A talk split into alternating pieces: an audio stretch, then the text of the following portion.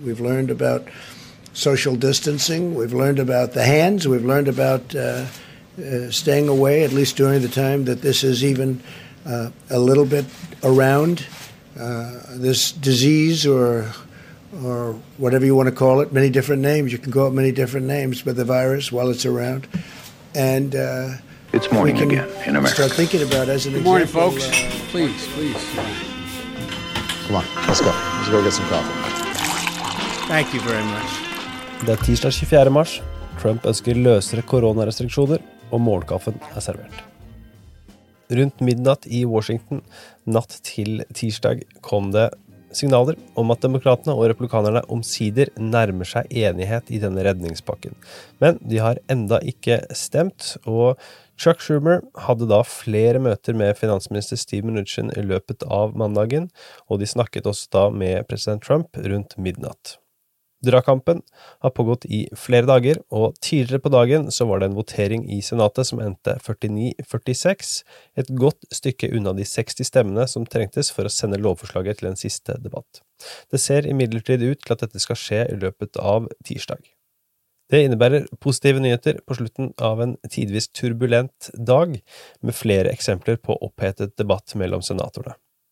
Vi kan her høre hva John Kennedy, republikaner fra Louisiana, hadde å si om det hele. You know what the American people are thinking right now? They're thinking that the brain is an amazing organ.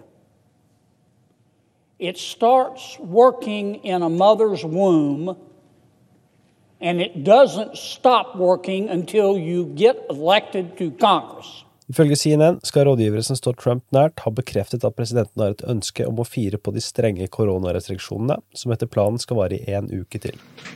We also have a large team working on what the next steps will be once the medical community gives a region the okay, meaning the okay to get going, to get back, let's go to work. Our country wasn't built to be shut down. This is not a country that was built for this. Det er imidlertid få eksperter som mener den opprinnelige planen på 15 dager med stengte skoler, begrensede forsamlinger og fysisk avstand på to meter vil være tilstrekkelig med tid. Ifølge kilden skal Trump ha begynt å miste tålmodigheten med karanteneperioden landet nå befinner seg i.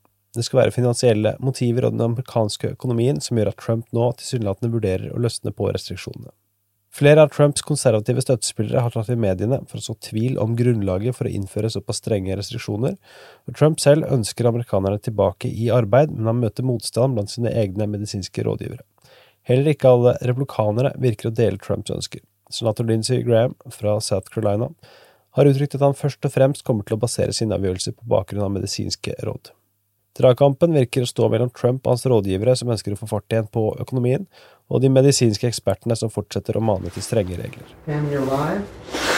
Mandag delte Joe Biden en video på Twitter der den tidligere visepresidenten og sannsynlig Trump-utfordreren anklager Trump for manglende handlekraft i koronautbruddets tidlige fase. Biden har tatt i bruk sitt eget hjem i Delaware som studio for anledningen, og videoen er, ifølge The Hill, den første offentlige koronauttalelsen til Biden på nesten en uke, og han serverte kritikk både til Trump og republikanerne i senatet. Biden uttalte også at han vil fortsette med kontinuerlige opptredener på video i tiden fremover. Good morning. I hope you and your family are doing well in these difficult and anxious times, confusing times. Like all families, the Biden family is adjusting to new ways. Less time together, more worrying about friends and relatives, concerns about those who are isolated or suffering due to the coronavirus. As Americans, we may be physically apart, but we are truly all in this together, and you know it. Let me say something right up front. Selv om valgkampen foreløpig er satt på vent, kan Biden likevel være fornøyd med å få støtteerklæringen til fagforeningen American Federation of County, State and Municipal Employees, bedre kjent som AFSCME. Med sine 1,3 millioner medlemmer er dette en av landets største fagforeninger for offentlig sektor. Dagens utgave av Målkaffen er servert av Henrik Skotte og undertegnede Are Togoflaten.